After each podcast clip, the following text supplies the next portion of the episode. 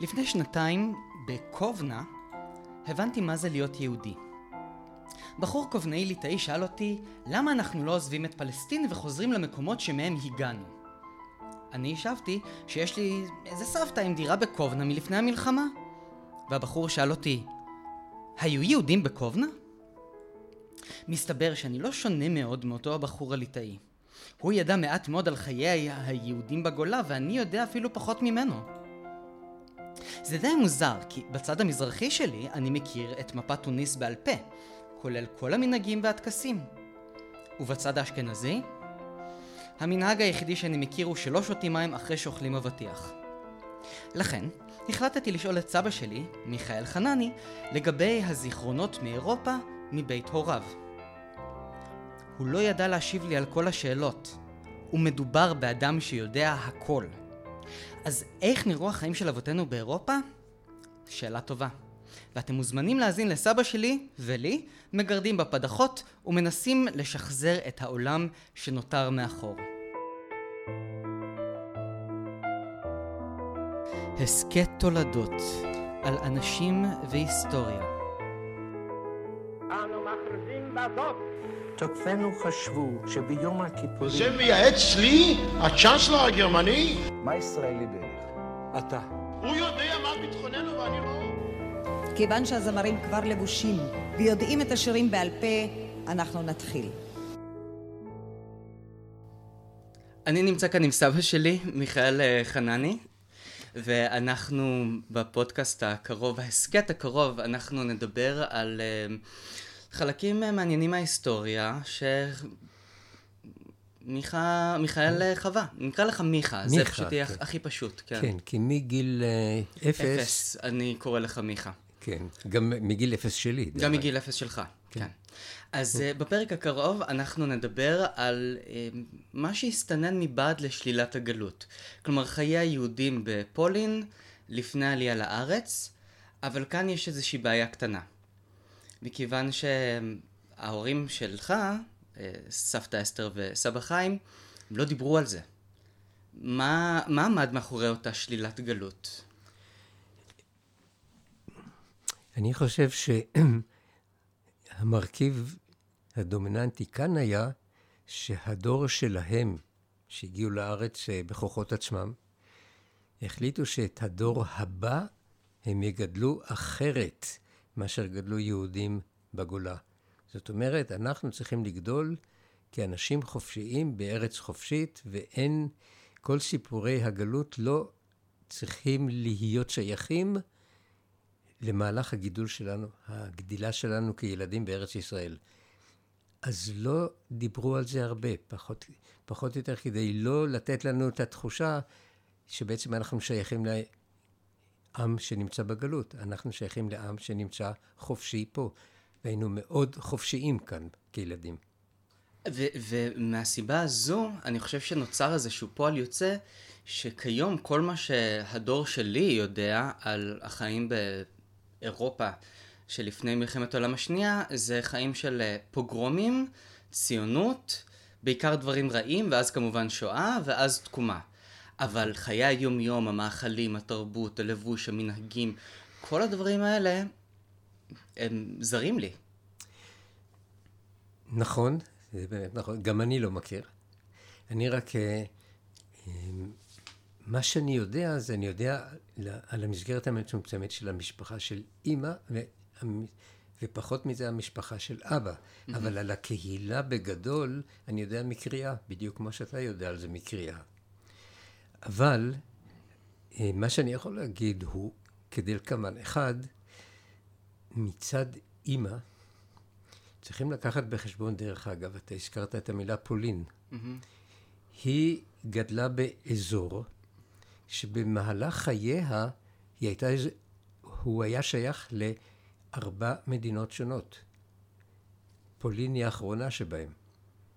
זה התחיל מאוסטרו-הונגריה, ואחר כך זה היה רוסיה, ואחר כך זה היה... אה, לא, אחר כך זה היה פולין, והיום זה בלארוס. אותה עיר, אותו בית, עבר ארבע, ארבע מדינות שונות.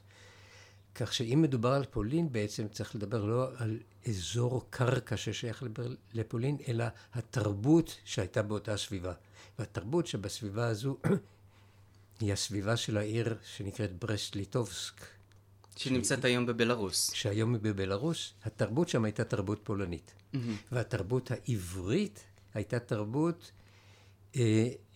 ציונית, והיה אחד המחוזות המרכזיים של גימנסיה תרבות, שהיא הייתה גימנסיה עברית, שהוקמה באזורים המזרחיים של פולין במספר ערים, והנערים והנערות שלמדו בגימנסיה הזו,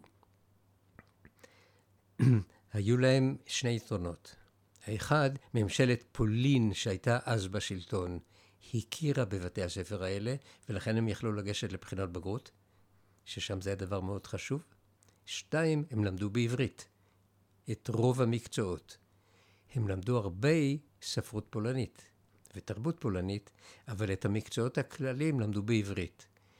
ולכן מי שיצא, או מי שבגר בבתי הספר התיכוניים האלה, ידע עברית מאוד יפה, מאוד מודרנית, וידע היטב את התרבות הפולנית.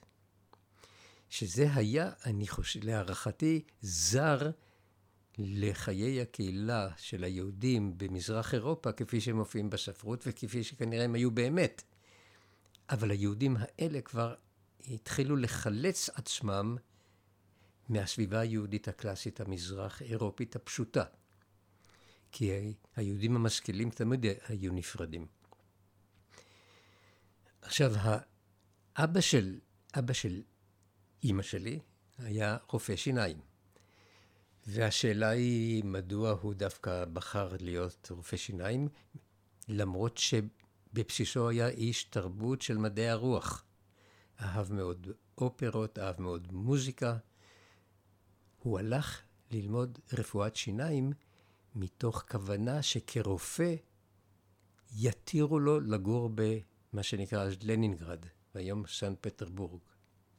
כי לסן, בסן פטרבורג יהודים היו צריכים לקבל רישיון מיוחד כדי לגור בעיר הזו. והם ניתנו לפי המקצוע. ואחד המקצועות שאפשרו לגור בסן פטרבורג וליהנות מהתרבות של העיר הזו, היה מקצוע הרפואה. זה היה, ז- זו הייתה המטרה? המטרה שלו הייתה לגור בסן פטרבורג וליהנות מהתרבות שאפיינה את העיר הזו, אבל לשם כך היה צריך ללמוד רפואה. מצד שני, זה מעניין הנקודה היא שזה לא הצליח לו, בסופו של דבר הוא לא גר בסן פטרבורג? למרות שהמשפחה מקורה שם. זה אני לא יודע. מדוע הוא לא הצליח לגור בסן פטרבורג, אני לא יודע. ולמרות שמסתכלים בעץ המשפחה דורות קודם, סן פטרבורג היה מרכז, אחד, או המרכז החשוב של המשפחה המקורית, אבל הוא לא הצליח להגיע לסן פטרבורג ונשאר לגור בעיר קטנה ליד ברסט-ליטובסק. ברסט-ליטובסק בלשון העם היהודי נקראת בריסק. בלשון העמים נקראת ברסט-ליטובסק, כי יש לה גם חשיבות היסטורית אירופית אחרת, קשורה במלחמת העולם הראשונה או במלחמת העולם השנייה. אני מנסה לחשוב גם כמה היה קשה ללמוד רפואת שיניים באותה תקופה. זה פשוט מציגים לך צבת ואומרים לך, תהנה. נכון? בטח זה לקח כמה שנים באוניברסיטה, אני זה מניח. לקח כמה שנים. הוא גם, מה שאני יודע, באנשים חסרי אה, מצב כלכלי, נקרא לזה מצב כלכלי סביר, עניים הוא טיפל חינם. מי שיכול לשלם, שילם. כי הם גרו בעיירה מחוץ לעיר הגדולה, ששם גרו גם הרבה יהודים עניים.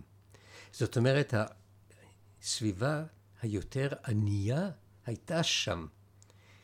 המשפחה הזו הייתה שייכת למין קבוצה של נמשכה יותר, שהייתה יותר חלק, נגיד, מהתרבות האירופית, ונמשכה אליה. וזה קיבל ביטוי בעובדה שהוא רצה לגור בסן פטרבורג, לצערו לא הצליח, אבל הוא כל, ממה שאני יודע, הוא כל רגע פנוי היה מקשיב לאופרות, ומכאן נובע גם שאימי למדה בגימנסיה תרבות, והייתה שם תלמידה מצטיינת דווקא בתר... בנושאים של התרבות הפולנית, ובעברית, במדעי הרוח, כי מתמטיקה לא הלך בכלל. בחלק הזה של הראיון, אני השלמתי פערים מהדמיון לפי סיפורים של שלום עליכם. אבל אז נזכרתי שהשורשים שלנו מתחילים הרבה יותר עמוק. כלומר, מוקדם. אצל המהר"ל מפראג. יש לנו עץ, עץ יוחסין שמתחיל במהר"ל בפראג, אבל אני לא יודע, מעט שמות שם אומרים לי משהו. אני יודע שהיה בעל הלבושים, רב ידוע, שנמצא בעץ הזה. העץ מתחיל להיות רלוונטי לאנשים שאני מכיר מהנקודה שבה היה המורה צדק של קהילת אז לנינגרד, ששמו היה הרב אה, אולצוונגר. משם אני כבר יודע מי הם האנשים, וזה אומר בערך דור של סבא של סבתא, סבא של סבתא שלי. משם העץ כבר מתפרס, ואני כבר מכיר, יודע על או מכיר את האנשים. אז זה התחיל בסן פטרבורג. מורה צדק, דרך אגב, אה, למדתי, שלקהילה יהודית היו שני אנשים בכירים. האחד היה רב הקהילה, והשני היה מורה צדק. הרב טיפל בעניינים הפנימיים של הקהילה, עד כמה שאני זוכר, והמורה צדק טיפל בעניינים החיצוניים. זאת אומרת, הוא היה בקשר עם הרשויות לשמירה על הקהילה היהודית. ככה זה היה בסן. בלנינגרד. תלוי כמובן בשנה, כי זה היה סן פטרבורג עד המהפכה, אחר כך לנינגרד אחרי מהפכה. המהפכה, ואחר סן פטרבורג בחזרה אחרי התמוטטות השלטון הקומוניסטי. רגע, זו העיר. אוקיי, אז כמו שהיום יש בישראל רב אשכנזי ראשי ורב ספרדי ראשי, אז, אז בגולה היה שר פנים ושר חוץ. היה, כן. רב פנים ורב חוץ, רב אוקיי. פנים ורב חוץ, כן. משם אני מכיר, אנחנו יודעים פחות או יותר אישית מי הם האנשים, ויש לנו את זה מסורטט. עכשיו, הם התחילו בסן פט... זה מתחיל בסן פטרבורג, אבל הם התפזרו בכל האזור שמדרום לסן פטרבורג, וצריך לזכור שהמדינות שנמצאות שם היום הם לא אלה שהיו פעם. למשל, ליטא הייתה מעצמה גדולה מאוד. אה, והעיירה שבה גדלה אמי נקראת קמיניץ ליטבסק. זאת אומרת, קמיניץ של ליטא, כי יש קמיניץ אחרת שבה הייתה ישיבה ידועה והיא הייתה, הייתה במחוז אחר. וכשמסתכלים על המפה רואים שליטא הגיעה עד, היא כללה חלקים גדולים מפולניה, חלקים גדולים מבלרוסיה, הגיעה עד אוקראינה, גם מדינה גדולה מאוד. היום היא מדינה קטנטונת. זאת אומרת, קשה מאוד לשלב בין הקהילות היהודיות ואיך שהם חיו שם, לבין המדינות כפי שהן קיימות היום. אבל האזור שהוא היום, מזרח פולין, ליטא, מערב בלרוס, זה היה הריכוז הגדול של היהודים. זה- זה, זה- זה היה ועד, ועד ארבע הארצות המפורסם שם. זה נורא מעניין אה, המושג הזה, כי הרי בדיונים על עדות היום, אז כששואלים, אה, אז מה אתה, חצי אשכנזי, אשכנזי מא- מאין?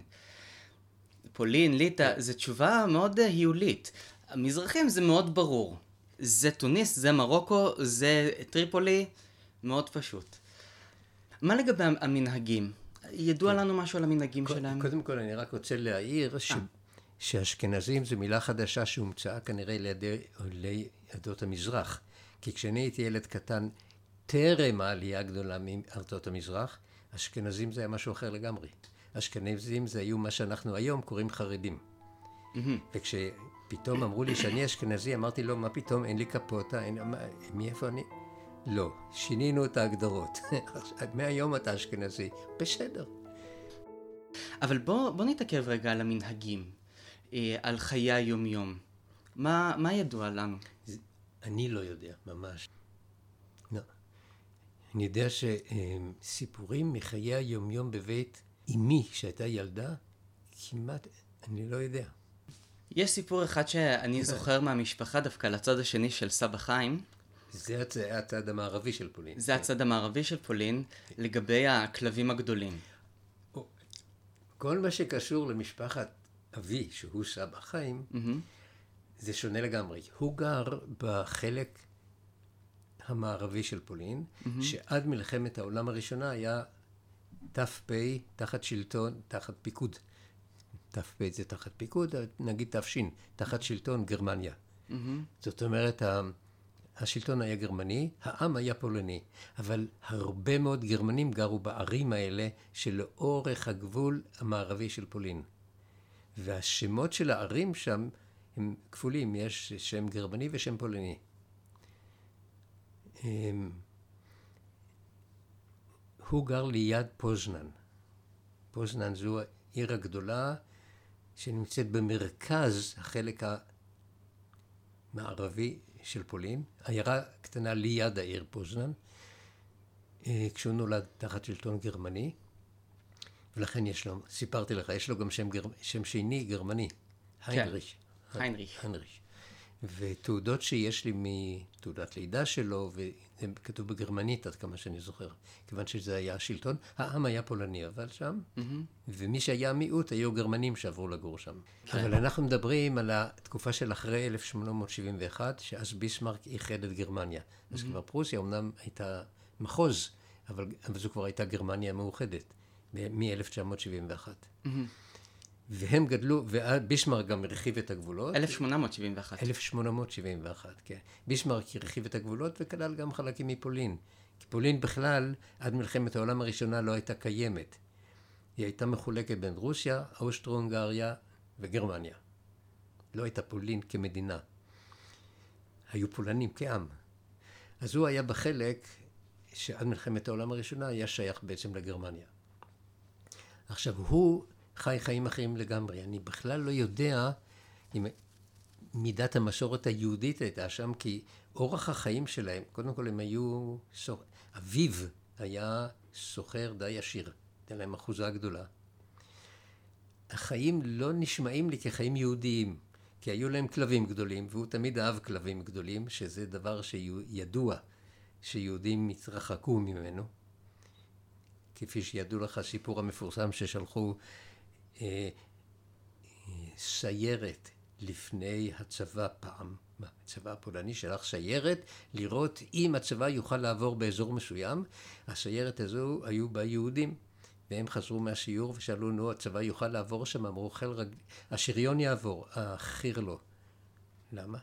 יש שם כלבים כאלה. יש שם, יהודים לא אהבו כלבים. ואצלם. בחצר היו כלבים גדולים, והוא תמיד אהב הוא גם, כל אורח החיים היה אורח חיים של, הייתי, אם אני מבין נכון, וגם שמעתי קצת מקרובי משפחה שלו, שכולם גרים באוסטרליה, חיי פריץ. אבל הם היו יהודים, יש לי תעוד, תעודת הנישואים של ההורים של אבי, וזה תעודת נישואים יהודית. מאין יש לו את זה? הוא הרי עזב את אה, פולין כשהם עוד היו בחיים, לא? הוא עזב את פולין, אביו נפטר ב-1922, mm. וזה גם סיפור, צריך לקשור את זה עם הסיפור האירופאי הכללי. אחרי מלחמת העולם הראשונה, שעשתה שמות באירופה, ב-1920, מיד אחרי המלחמה, הופיעה מגפת שפעת, קראו לה שפעת, וירוס השפעת הספרדית, ובה מתו יותר אנשים מאשר במלחמה. וביניהם סבא שלי. Mm-hmm. ואני יודע כי יש לי תמונה של המצבה שלו, ויש שם כתוב 1922. לא, אני לא ידעתי את זה שהוא מת בגיל כל כך, גיל צעיר מאוד. נשארה אימא. אימא נפטרה סמוך למלחמת העולם השנייה. הוא נסע לבקר אותה בימיה האחרונים מכאן, ולקח, ממש שם, את, שם נפשו בכפו, מפני שהוא יכול היה לא לחזור משם. כי אנשים שנסעו מכאן לאירופה סמוך לפרוץ המלחמה, כבר לא חזרו. אבל הוא הספיק לחזור, והיא נפטרה כנראה סמוך לפרוץ מלחמת העולם השנייה. הוא כבר לא גר איתה משנת 36... לא יודע, ראשית שנות ה-30. כי הוא קודם כל נסע, גלה למקום תורה, הוא נסע ללמוד. בווינה. הוא היה מאוד מוכשר מתמטיק, במתמטיקה, אז הוא למד, נסע לווינה, עשה שם תואר נדמה לי תואר ראשון בווינה, ולאחר מכן תואר שני בוורשה, ולאחר מכן תואר שלישי באוניברסיטה העברית. אז הוא כבר לא היה בבית מגיל צעיר. הוא היה בווינה בדיוק באותה שכונה של אה, כל הגדולים. אה, זיגמונד פרויד, והיטלר, ומי עוד היה שם? אז זה אני לא יודע, יכול להיות. לא סביר, יודע. כן. מה שהוא סיפר לי, הוא- הוא אמר שהוא מאוד נהנה, ואני נסעתי גם כן לראות איך נהנים מזה, מהפרטר. הפרטר זה הפארק הגדול והמפורסם של וינה, שיש שם גלגל ענק, שעד אה, לא מזמן הוא היה הגלגל הענק הכי גדול בעולם. אני הייתי עליו. אז הוא אהב מאוד את הפרטר, זה אני זוכר. חוץ מזה תלמיד מצטיין במתמטיקה, ויש לי תעודות שלו עם ציונים, מווינה. אמ, היה מתמטיקאי מאוד אה, מוצלח. בוורשה, אחר כך הוא עבר לוורשה, שם הוא עשה, עד כמה שאני יודע, תואר שני, ושם הוא התיידד בין השאר עם בגין, כי בגין למד אותו באותם שנים בוורשה, נדמה לי משפטים. ומאז הם הכירו, מהתקופה ההיא. לאחר, לאחר ורשה הוא עלה לארץ, גם אמי וגם אבי עלו לארץ במה שקראו אז סרטיפיקט של סטודנט. אה, לעלות לארץ ישראל אי אפשר היה, סתם ככה. אבל מי שהתקבל ללימודים באוניברסיטה, שהייתה היחידה אז, האוניברסיטה העברית, או הטכניון, יכול היה לעלות לארץ כשיש בידיו האישור שהוא התקבל ללימודים באוניברסיטה העברית, ואף שילם את שכר הלימוד הראשון. אז שניהם עלו לארץ כסטודנטים עם סרטיפיקט של סטודנט. אימא ללימוד אה, ספרות עברית ופילוסופיה, ואבא לעשות את הדוקטורט במתמטיקה.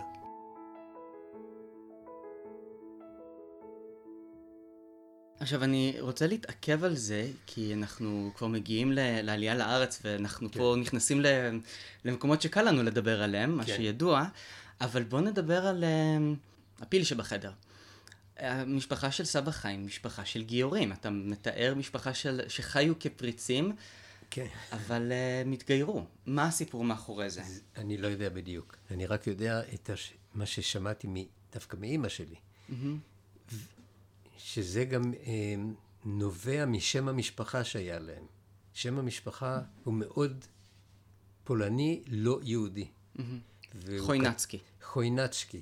וכשתראה איך כותבים את זה, אז תבין שאי אפשר לקרוא את זה. אה, חוינצקי, זה היה שם המשפחה.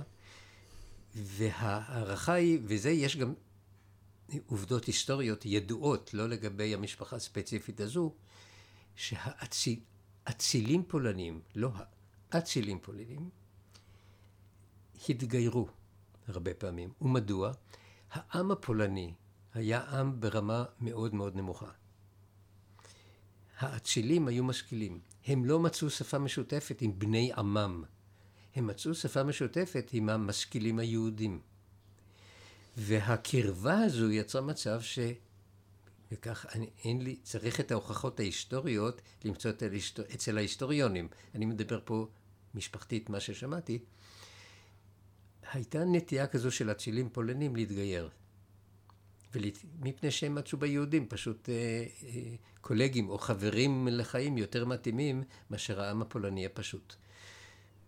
וכנראה שזו ההיסטוריה, שזה משפחה כזו של אצילים שהתגיירו מפני שהם היו משכילים ומצאו ביהודים בני שיח טוב יותר מאשר עם העם הפולני. העם הפולני היה, וקוראים את זה בספרות, בשבי סינגר וסופרים אחרים, הוא היה מאוד, ברמה מאוד נמוכה, עד לא מזמן.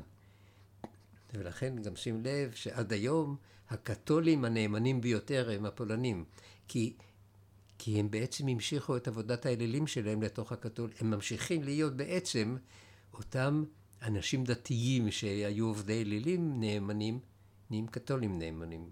שזה אפשר להבין, בעוד שבמדינות אחרות באירופה אנשים הרבה יותר חופשיים והאנשים המאוד דתיים הם מיעוט. בפולין הם רוב. כן, כן, זה ממש, אתה מתאר לי פה את uh, סנקיוויץ', גם המבול, גם ביישוב החרב, זה כן, ממש כן. ככה. כן. אז um, יפה, אז אנחנו עשינו פה משות uh, מאוד uh, חופשי על ההיסטוריה המעטה שאנחנו זוכרים מימי uh, פולין, או השטח שהוא פולין, כן. או השטח שהיה פולין. בדיוק. ה- הגבולות פה מסובכים. דרך אגב, משפ... המשפחה של אבי, רובה הגדול, כולל אחיו, היגרו לאוסטרליה לפני מלחמת העולם השנייה. אחותו נשארה בפולין ונהרגה שם במלחמה, לא, בשו... לא מוות אה, עצוב. של, אכזרי של יהודים, פשוט בהפצצות של הגרמנים על ורשה, היא נהרגה בהפצצות. אחיה של אמי הוא נורא לבורות הרגע שהיו בראשית השמדת היהודים, עוד לפני הקמת מחנות הריכוז. אז ממשפחתה הקרובה בארץ נמצאים רק ברמה של אה, בני דודים מרוחקים. משפחה קרובה ממש אין. משפחה של אבי, יש בני דודים ישירים שלו, רבים, כי לאימו היו הרבה אחים, וכולם גרים במלבורן, רובם במלבורן, אבל כולם באוסטרליה, ופגשתי אותם כמה פעמים. אחיו כבר נפטר, היה... אחיו אה, היגר לאוסטרליה בגיל, בשנת 38, צעיר ממנו היה קצת. הגיע לאוסטרליה ומיד התנדב לצבא האוסטרלי להילחם ביפנים. להילחם ביפנים. היה בשריון האוסטרלי שלחם ביפנים באיי המלך שלמה. מכיוון שהוא התנדב לצבא ולא גויס, הוא זכה באזרחות של כבוד באוסטרליה. אז- באזרחות אוסטרלית, מה אני אומר של כבוד? לא מזמן הייתי באוסטרליה, ונכנסתי שם למוזיאון המלחמה האוסטרלי, מוזיאון מאוד יפה וגדול ומרשים בקנברה, ואמרו לי שאני יכול לקבל פרטים על חיילים אוסטרלים שלחמו במלחמ- במלחמות העולם בכלל, שם אצל הפקיד ההוא יש לו מחשב והוא מוציא את הנתונים. אז ניגשתי אליו, ביקשתי את הנתונים על הדוד שלי, ששמו? ששמו אלן, והוא שינה את שמו מחוינצקי, שבאוס... הוא שינה את שמו לדן, D-A-N. למה? זה סיפרה לי הדודה, אשתו. כל עוד שמו היה חוינצקי, קראו לו הפולני המסכן. הוא רצה שיפסיקו לקרוא לו הפולני, למרות שהוא היה ענק. רצה שיפסיקו לקרוא לו הפולני המסכן, אז הוא שינה לדן, ומאז זה בסדר. הוא שינה את שמו לדן, ביקשתי את הפרטים שלו, הפקיד הוציא את זה מהמחשב, ואמר לי בעיניים גדולות, או, זה מכובד מאוד. אתה רואה, המספר האישי שלו מתחיל ב-N. שאלתי, מה זה פירוש הדבר שהמספר האישי מתחיל באות N? זה אומר שהוא התנדב. והמתנדבים הם במעמד גבוה יותר מאשר המגויסים. אז הבנתי שהוא היה במעמד גבוה כמתנדב. לחם מסכן, אה, הוא סיפר לי על המלחמה שם, זו מלחמה איומה. נגד, לא נגד היפנים, גם היפנים וגם האוסטרלים, נגד היתושים. נגד הישושים והמחלות והחום. ו... הוא אמר שלטנקים הם לא ניגשו, כי הם היו כל כך חמים, אי אפשר היה לגעת בהם בכלל. אז הם ישבו על יד הטנקים, ואותו דבר גם היפנים. אז ממש מלחמה בין היפנים לאוסטרלים לא הייתה שם, אבל היו שם שנים של סבל. ויש לי, קיבלתי מהדודה שלי את ספר הגדוד שלו מהאי בוגנביליה, שהוא אחד מאיי המלך שלמה. האי בוגונביליה? האי בוגנביליה. זה נשמע כמו איזה שם אה, מתוך איזה של- אגדה. אוקיי. אז זה הצד מצד אבא שנמצא באוסטרליה ברובו. יש לי איתם קצת קשר, בעיקר עם הבנות, עם בת דודה שלי. יש לי קצת קשר. ועם הדודה שהיא מאוד זקנה כבר בבית הורים. איתה יש לי קשר טוב, אבל לא מתקשרים הרבה. וביקרנו אותה לא מזמן גם. וזהו, זה המשפחה של הזוג באוסטרליה, ואימא הגיעה כאן, והמשפחה הקרובה שלה זה משפחת מרידור. ששמה, גם הם, אה, זה לא השם הפולני המקורי. תודה רבה. אתם אה, מוזמנים להמשיך להאזין אה, לפרקים הנוספים שאנחנו מתחילים להעלות בהסכת תולדות. תודה רבה, מיכה. בבקשה.